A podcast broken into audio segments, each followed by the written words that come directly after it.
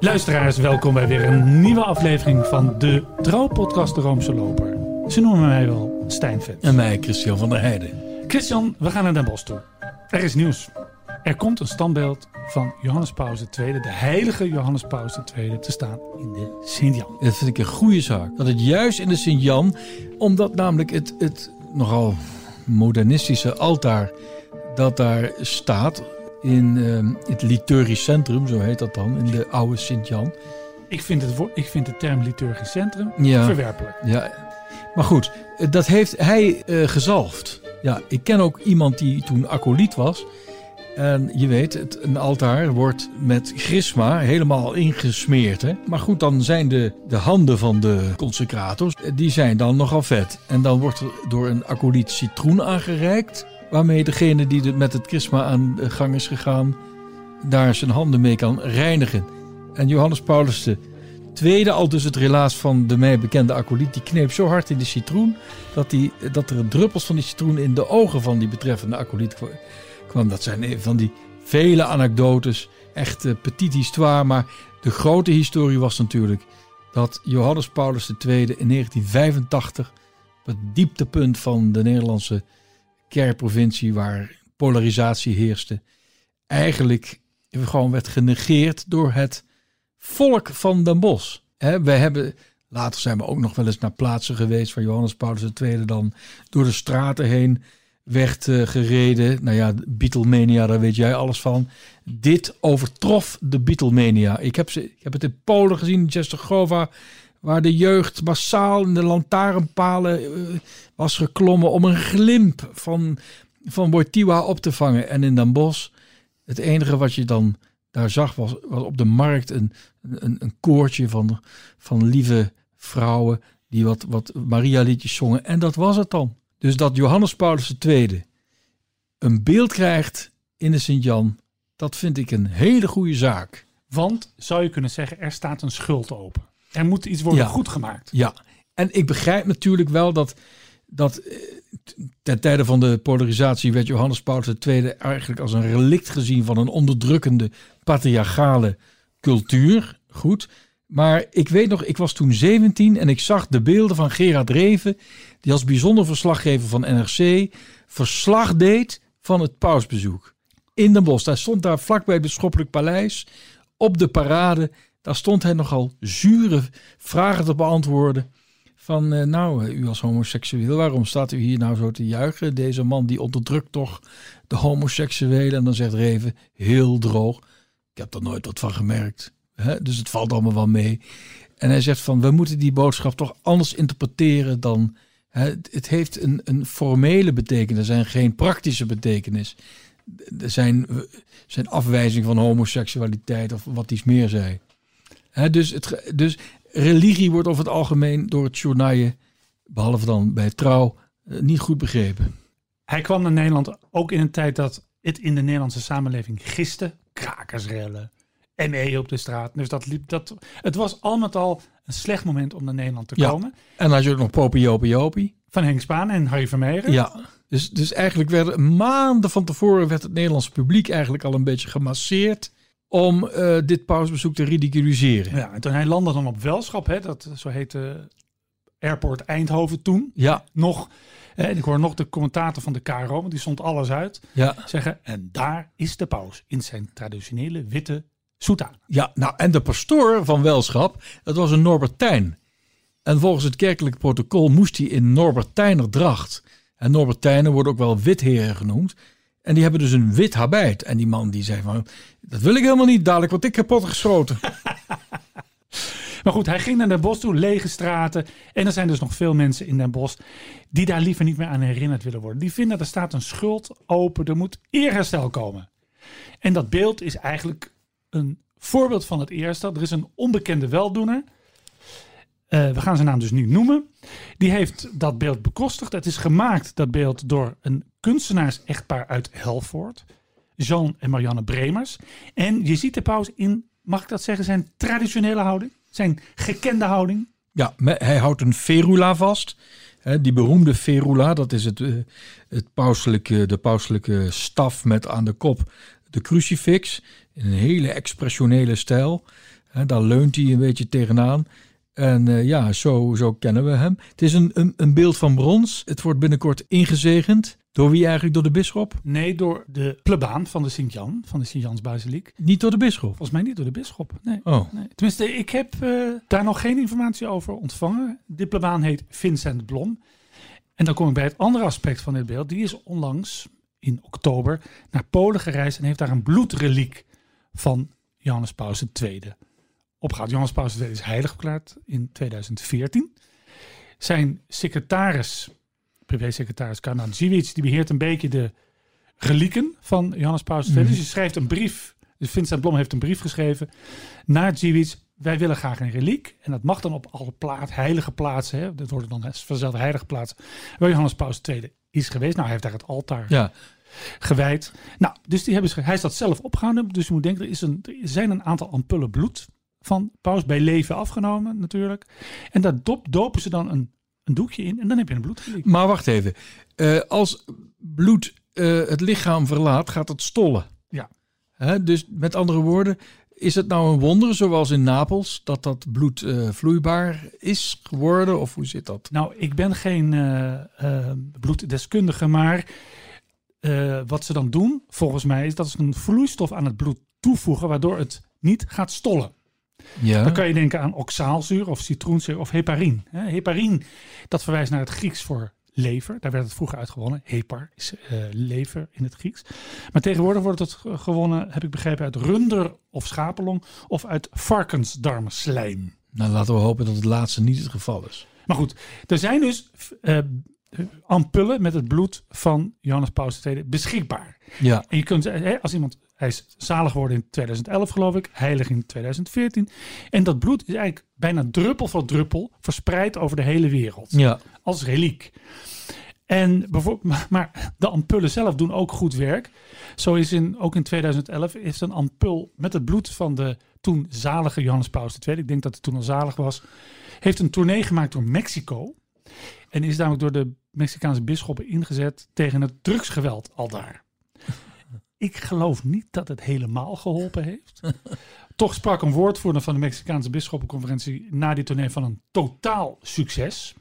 Ja. Nou, ik heb natuurlijk even gebeld met ehm pastoor Vincent Blom. Of hij ook wonderen verwacht in de Sint-Jan. En eh, hij zei nee, dat, dat kijk, wonderen als wonderbaarlijke genezing, daar mag je ook niet al te veel van uitgaan. Maar zo'n kennismaking met dat beeld, of dat als mensen gaan bidden bij dat beeld, dat werkt vertroostend en verlicht misschien de dagelijkse realiteit voor die mensen. En wat hij ook zei, dat vond ik heel aardig. Het is prachtig dat het beeld er komt. We gaan het inzegenen. Het krijgt een prominente plek. Maar er kan toch niemand op tegen de zoete lieve moeder.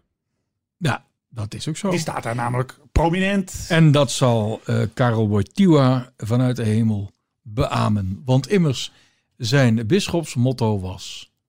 Totus tuus. En dan bedoelde hij Geheel de uwe. aan Maria, toch? Spes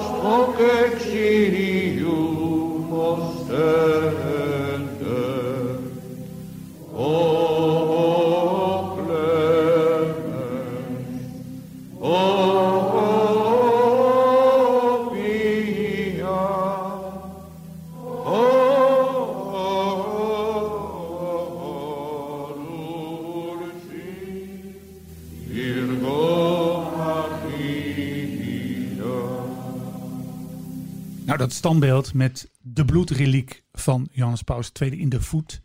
Doet mij denken aan mijn wetenswaardigheden in een klein gehucht in de Abruzzen. Anderhalf uur rijden van Rome. Het heet San Pietro della Jenca. San Pietro verwijst natuurlijk naar de heilige Petrus, San Pietro. Daar staat een kerkje, wat ooit deel heeft, waarschijnlijk deel heeft gemaakt van een groot klooster uit de 13e eeuw. En was een plek waar Johannes Paus II bij leven, moeten we er even bij vertellen, graag kwam. Dan ontvluchtte hij het Vaticaan, ging hij daar wandelen of hij ging gewoon zitten en kijken naar de prachtige bergen om zich heen. Nou, na zijn dood is dat kerkje eigenlijk een heiligdom geworden voor deze paus. Toen was hij nog, toen was hij nog wel niet heilig, maar eigenlijk was hij dat ook weer wel, want ze zeiden daar toen al, dit is een heilige. Nou, 2011 heb ik al gezegd, volgens mij zalig verklaard, daarna heilig verklaard. Maar al snel kreeg dat heiligdom, Santuario di San Pietro della Jenca, kreeg een bloedreliek. Die bloedreliek was ook afkomstig weer van de secretaris van de paus, privé-secretaris, kardinaal Dziwic. Werd daar natuurlijk in een prachtige reliekhouder bewaard. En ik ben daar geweest. Het is, een, het is een schitterende plek. Je komt helemaal, wordt helemaal één met de natuur. Ik had niet het idee dat daar nou heel veel pelgrims op afkwamen. Het is ook een wel een kronkelige weg. Je moet even Rome uit. Het is best een, best een eh, eentje rijden. Maar wat, welk drama eh, trof dat eh, heiligdom in 2014 het de bloedreliek, de bloedreliek werd gestolen. Twee, on, hoe zeg je dat? Ja, twee boeven zijn, zijn die de kerk ingegaan en die zagen die reliekhouder staan. Die dachten, nou, dat is wel waar, die nemen we mee. Ze hadden geen idee dat er dat in die reliekhouder zich een, bloed, een dru- druppel bloed bevond van Johannes Paus. En dat was ook afgetapt? Ook afgetapt.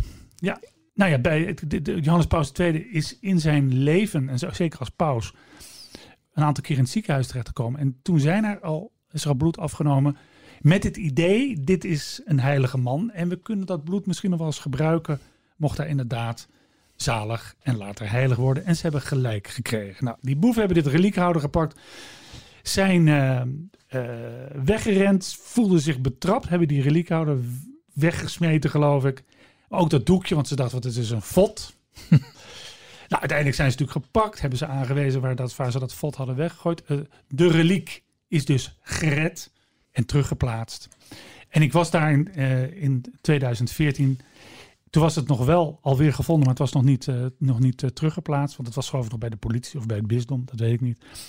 Be- beheerder van dat heiligdom, Pasquale Corriere, een reiziger, echt een Italiaanse gentleman.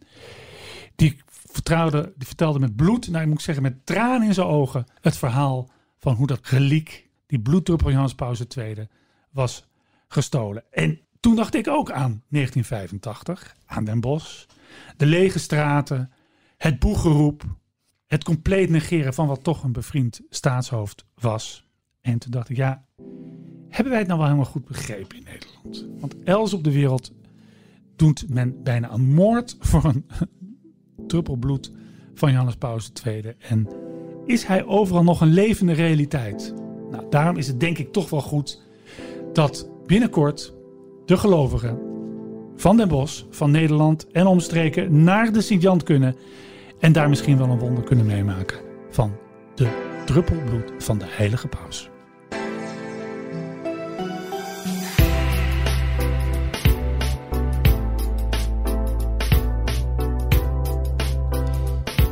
Als deze aflevering van de Roomse Loper wordt gepubliceerd, dan is er iets bijzonders gaande in Frankfurt am Main. Wat speelt zich daar af? Namelijk de eerste plenaire sessie van de Synodale Weg. Wat zeg je nu? Ja, de Synodale Weg, dat is iets heel belangrijks in de kerk van Europa, maar de hele wereld, tenminste degenen die erin geïnteresseerd zijn, ja, die kijkt mee. Want wat daar gebeurt is toch wel belangrijk voor de toekomst van het christendom Mag ik daar in de zeggen? westerse wereld. Ja, mag ik daar toch even? Want in Nederland gaat het leven gewoon door. Terwijl dus in Duitsland eh, iets heel belangrijks aan de gang is. Ja, de Synodale Weg is een, een, ja, een beetje enigmatische titel. Voor hetzelfde geld hadden ze het een synode genoemd. En, maar je moet je voorstellen, het is eigenlijk een soort pastoraal concilie. Maar ze wilden toch geen synode of concilie noemen, maar een weg die, ze, die men samen aflegt. Maar wacht even. Pastoraal Concilie, dan denk, dan denk ik aan Noordwijkerhout. Ja, 1968 geloof ik. ja, De Nederlandse katholieke kerk wil de besluiten van het Tweede Vaticaans Concilie gaan vertalen naar de Nederlandse situatie. Ja. Met gevolg dat alles bespreekbaar moest zijn. ja. Vrouw in het ambt, getrouwde priesters, de rol van de bisschoppen. Wij zijn de kerk. Moet ik ook de, moet ik denken dat dat in Duitsland ook zo gaat? Ja, daar zou je het mee kunnen vergelijken. Het doel van deze synodale weg, het is een pleonasme, want synodos betekent samen op weg. De weg van samen op weg. Nou ja, maar die, dat is be- bedoeld eigenlijk om de geloofwaardigheid van de katholieke kerk terug te winnen door, ja, eh, door wat eigenlijk? Door die kerk te hervormen. Dat is eigenlijk het doel. Maar je, als particuliere kerk kun je niet zomaar wat wat dingen eh, veranderen. Daar heb je toestemming voor nodig van de hele wereldkerk in de vorm van de Heilige Stoel. En dat is juist het spannende. Wat gaat daar besloten worden? Want van tevoren was aangekondigd: wij zullen alle deelnemers tot een overeenkomst komen en daaruit volgen besluiten en die zullen bindend zijn. Bindend? Ho, ho, ho, ho. Daar kun jij als, op bepaalde dingen kun jij als particuliere kerk en eh, particulier staat hier tegenover universeel. Dus de wereldkerk is dan universeel. En de verschillende lokale kerken, zeg maar de kerk van Duitsland, wordt dan particulier genoemd. Sommige dingen kun je helemaal niet particulier besluiten. Goed, daar zal dus over worden gediscussieerd. En dat gebeurt allemaal in Frankfurt.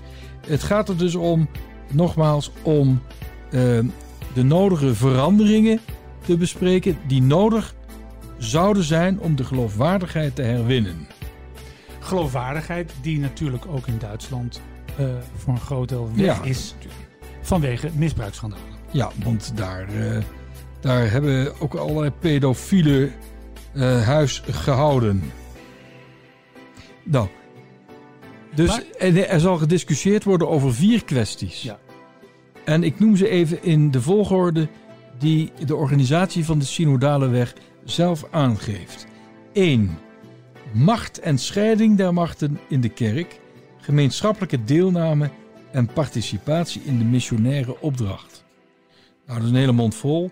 Daar wordt mee bedoeld, is het misschien mogelijk om de drie machten, wetgevend, rechtsprekend, uitvoerend, om die machten à la Montesquieu, de trias politica, ook in de kerk te scheiden. Ehm, met andere woorden, moeten we nog wel zo star vasthouden aan eh, de machtsstructuur, eh, de episcopale machtsstructuur. De bisschop is de baas, punt. Is dat nog wel eh, haalbaar in deze tijd? Het tweede themaveld is getiteld Leven in succesvolle relaties, liefde beleven in seksualiteit en partnerschap.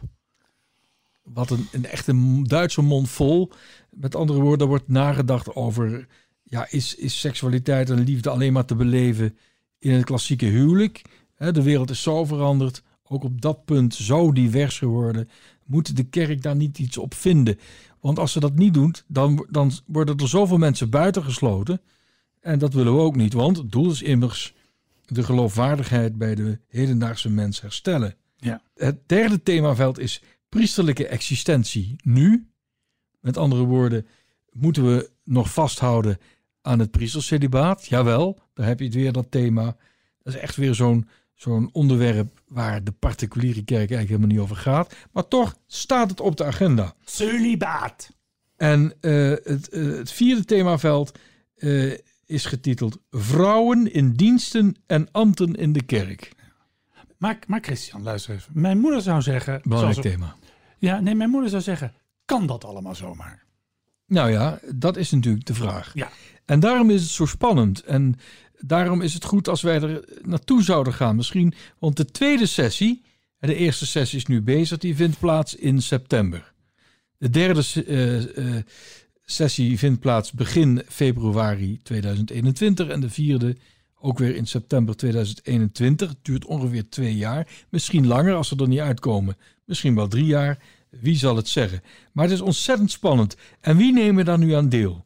In totaal gaat het over 230 eh, officiële deelnemers. Nou, nou, nou, nou, nou, nou.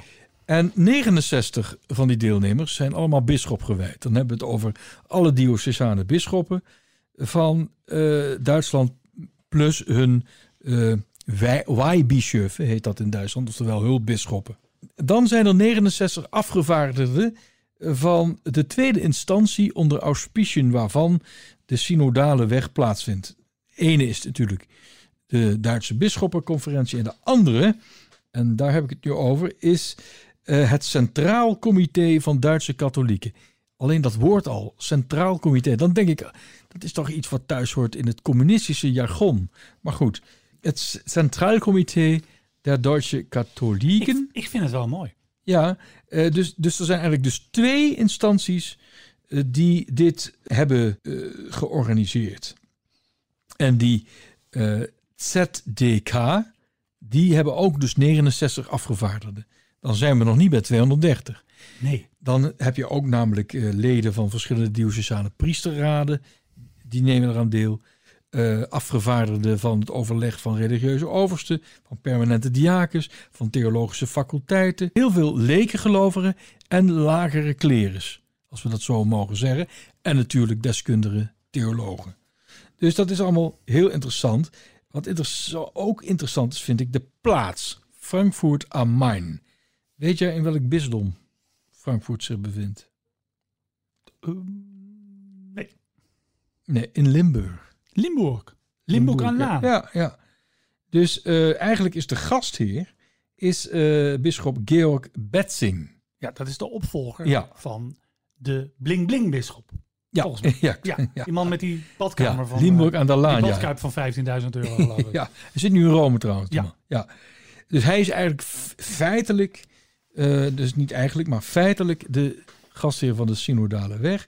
Deze sessies die worden geopend telkens in de Dom van Frankfurt. Let wel, de Dom, niet de kathedraal, want we hebben net gezegd, de kathedraal staat in Limburg aan der Laan. Frankfurt heeft wel een dom, maar dat is de zogenaamde keizersdom. Daar werden namelijk de, eh, vanaf 1562 de keizers van het Heilige Roomse Rijk gekroond. De kerk is gewijd aan de heilige apostel Bartholomeus. En die kerk gaat weer terug op een, eh, op een Carolingische pals. Ja, dus dat is allemaal heel interessant. Ja, maar, maar, Maar, maar, de vraag is, Christian, als Ja. ik toch even mag... Dit is de Duitse... Ja, maar de, de plek is belangrijk, omdat het namelijk... Het is, het, het, het, het- die, die plek bevindt zich in het hart van katholiek Duitsland. Het, het, het vindt niet plaats in een kathedraal. Het vindt plaats in een keizersdom. Ja, het heilig Roomse Rijk der Duitse natie. Hè?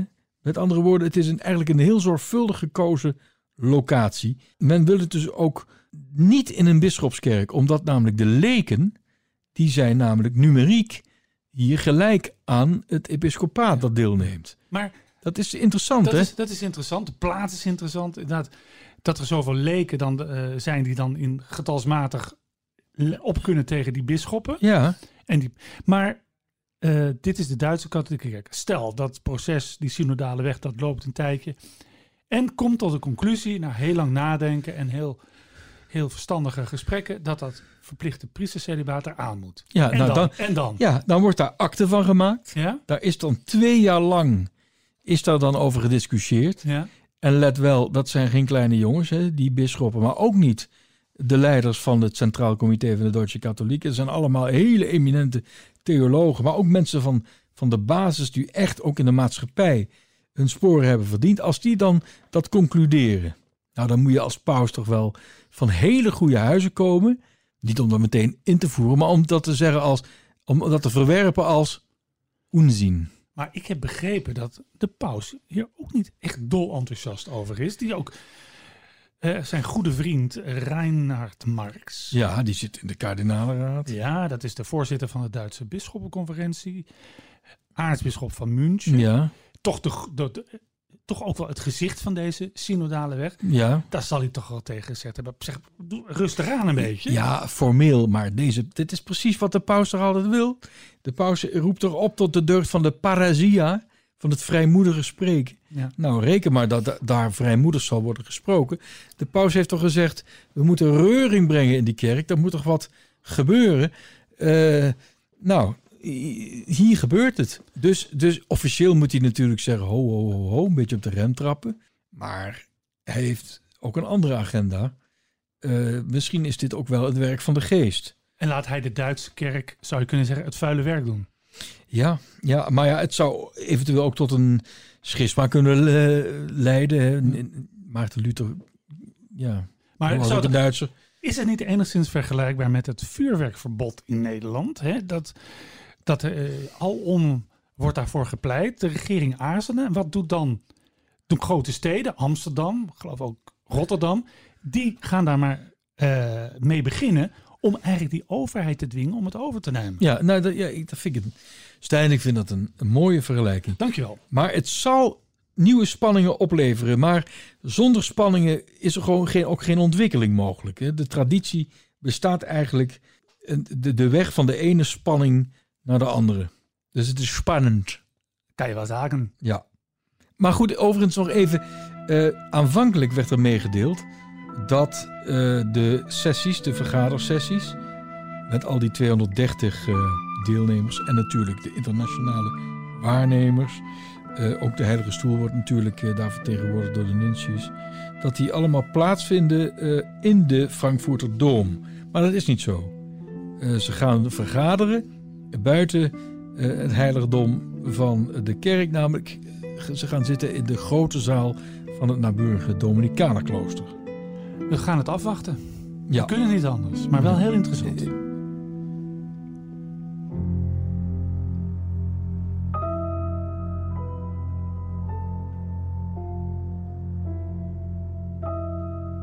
Christian, we moeten het ook nog even hebben over Giovanni Battista Re. Kardinaal Giovanni Battista Re. Ja, de voormalige prefect van de congregatie van de bisschoppen. De man die toch achter heel veel bisschopsbenoemingen zit in Europa. Eh, hij is gekozen door zijn collega's uit de hoogste rangen van de Romeinse geestelijkheid tot deken, decanus van het kardinale college. Ja, en zo'n deken van het kardinalencollege is geen onbelangrijke man. Hij is niet de baas, zal maar zeggen. Hij is primus inter pares, hè, dus hij is de, de eerste onder de gelijken. Maar we zien hem vooral in beeld komen bij de dood of het aftreden, terugtreden van een paus.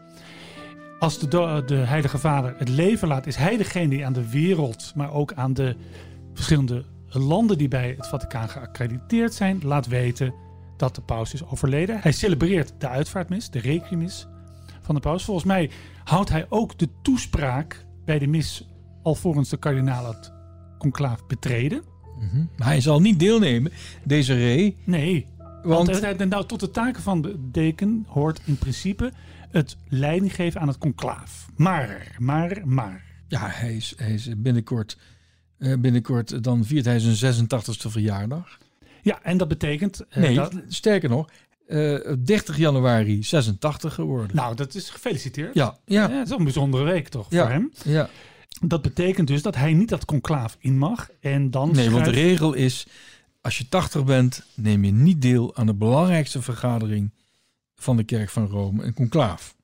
En dan schuiven zijn taken door naar de vice-deken. Dat was Ray tot vorige week zelf. Hmm. Hij is nu deken en de nieuwe vice-deken is Leonardo Sandri. Ja, die heeft, is ook gekozen. Die is ook gekozen, een Argentijnse kardinaal. Hij geeft leiding aan de Congregatie voor de Oosterse Kerken. Hij is 76, nou ja, dus dan, die heeft nog vier jaar te gaan. En betekent dus, stel dat er een conclaaf komt, dat Jan Franciscus terugtreedt of overlijdt, dan is het dus Sandri die leiding geeft aan het conclaaf en in de Sixtijnse kapel aan de nieuw gekozen paus vraagt of hij zijn ambt aanvaardt en welke naam hij aanneemt. Ja, en stel nu dat, eh, dat het conclaaf pas over vijf jaar plaatsvindt. Dan is eh, Sandri 80 plus. Wie neemt het dan over? Nou, dan schuift de verantwoordelijkheid weer door naar de, de, ik zeggen, de kardinaal-bisschop, met de oudste rechten. Ja, en dat, zou is, wel eens heel goed kunnen zijn de eh, Canadese prefect van de Congregatie voor de Bisschoppen, Ouellet. Kijk, ja, maar is het oudste in de, in de, in de zin van eh, gebo- eh, leeftijd Nee. of eh, in de rang? in de, nee, ja, dan is dat Parolien.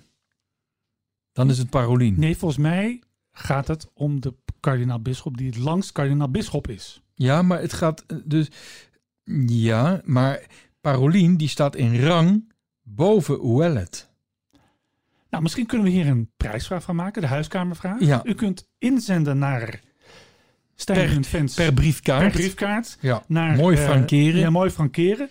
Naar de Roomse Loper, Trouw, postbus 859 1000 AW in Amsterdam.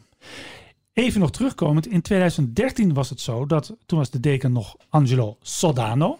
Die was toen ook al de 80 gepasseerd. Toen kwam eh, in feite de vice-deken aan de beurt. Dat was Roger Echeguerre, maar die was ook al de 80 gepasseerd, lang.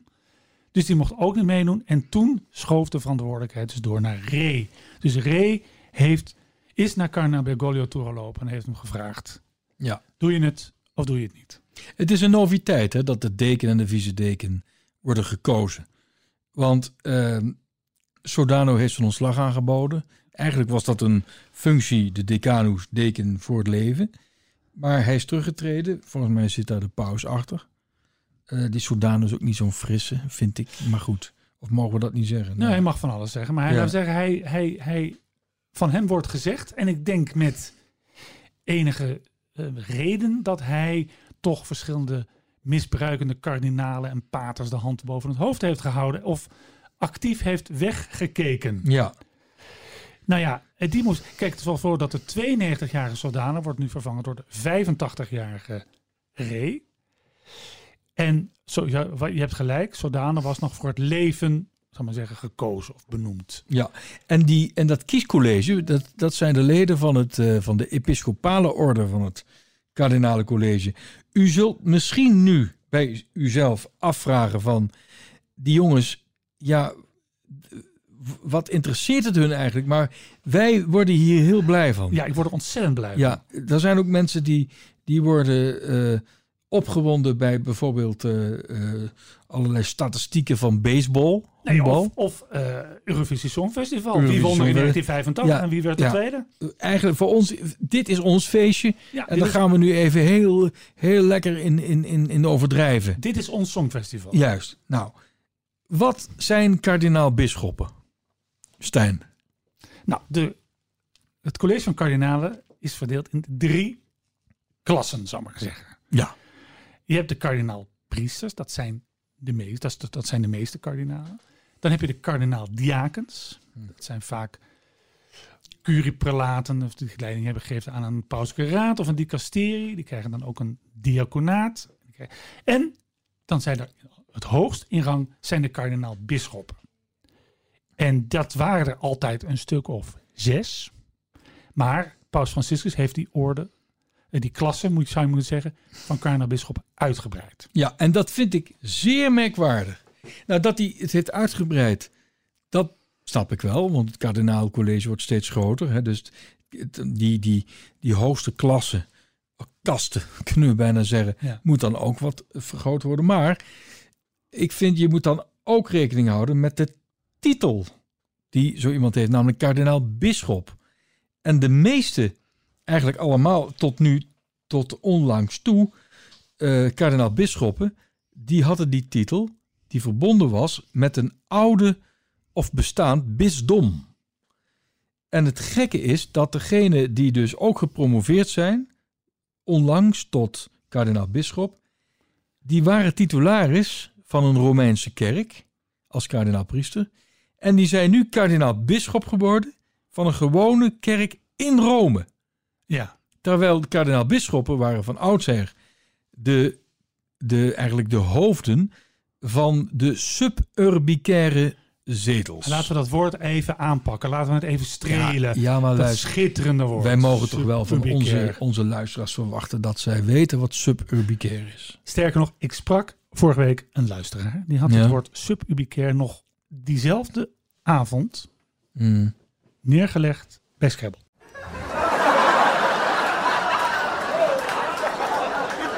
Ja, suburbicair is natuurlijk wel een problematische term. Kijk, eigenlijk is iedere, ieder bisdom een suburbicaire kerk. Namelijk, hij valt onder de stad Rome. Hè, Den valt onder Rome eigenlijk. Wat deze term in de loop der jaren is gaan betekenen, is iets anders, namelijk suburbanus. En dat betekent, dit, die, deze diocese die vallen rechtstreeks onder de Heilige Stoel op geografische wijze. Met andere woorden, zij zijn als het ware een soort voorsteden van Rome. Dus, dus, dus ondersteden zou je het kunnen noemen. Wij, wij hebben het hier over Ostia. Trouwens, de deken van het kardinalencollege is altijd ook kardinaal-bisschop van Ostia. Dus Ree is dus onlangs ook benoemd tot titelhouder van Ostia. Hij was al kardinaal-bisschop van eh, ja, eigenlijk een dubbel diocees. Sabina, eh, dat verwijst eh, naar het oude land van de Sabijnen. Sabina en dan tweede deel Poggio Mirteto. Dan hebben we het diocees Albano. Dan hebben we het diocese Velletri, verbonden met het oude diocees Segni. Dan hebben we Frascati, waar die lekkere wijn vandaan komt. Dan hebben we Palestrina, waar die grote componist vandaan kwam. Daar Palestrina. En nu is het merkwaardige feit opgekomen dat namelijk er kardinaal-bisschoppen zijn van kerkjes in Rome. Maar ik voel bij jou een zekere verontwaardiging. Ja, nee, want er is maar in Rome is er maar één bisschop. Eh, diocesane bisschop, en Ja. dat is Ja. de paus. Hoe kun je nou kardinaal-bisschop zijn van een kerk in Rome? Je kunt wel kardinaal-bisschop zijn van een diocees buiten Rome, dat weliswaar in de grote kring rond de Oerups zich bevindt. Dus ik vind het te weinig doordacht. Waarom hadden ze nou niet bijvoorbeeld Sabina, verbonden met Poggio Mirteto, kunnen losweken weer? Dat is toch beter dan dat je bijvoorbeeld kardinaal-bisschop bent van de, van de kerk Santa Maria in Traspontina. Weet je wel, die kerk aan de Via della Ja, Conciliazione. waar die, die, die beelden zijn, gesto zijn Ja. gestolen toen. Marco Tijdens- Wellet, Tijdens de Amazone Ja. synode. Marco Wellet, die was eh, kardinaal eh, priester van eh, Santa Maria in Traspontina.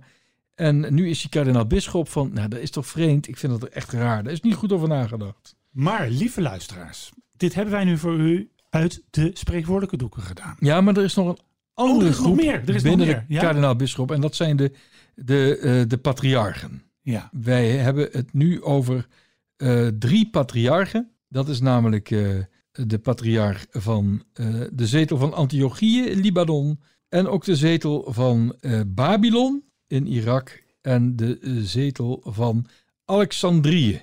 En, maar dat is een emeritus patriarch Antonios Naguib, Egyptenaar.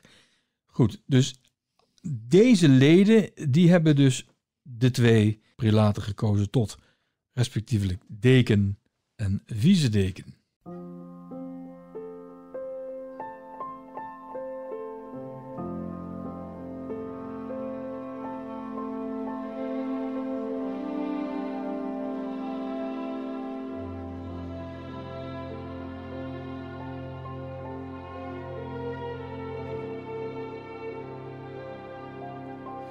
Lieve luisteraars, het kan niet anders. Of binnenkort komt er weer zo'n conclaaf.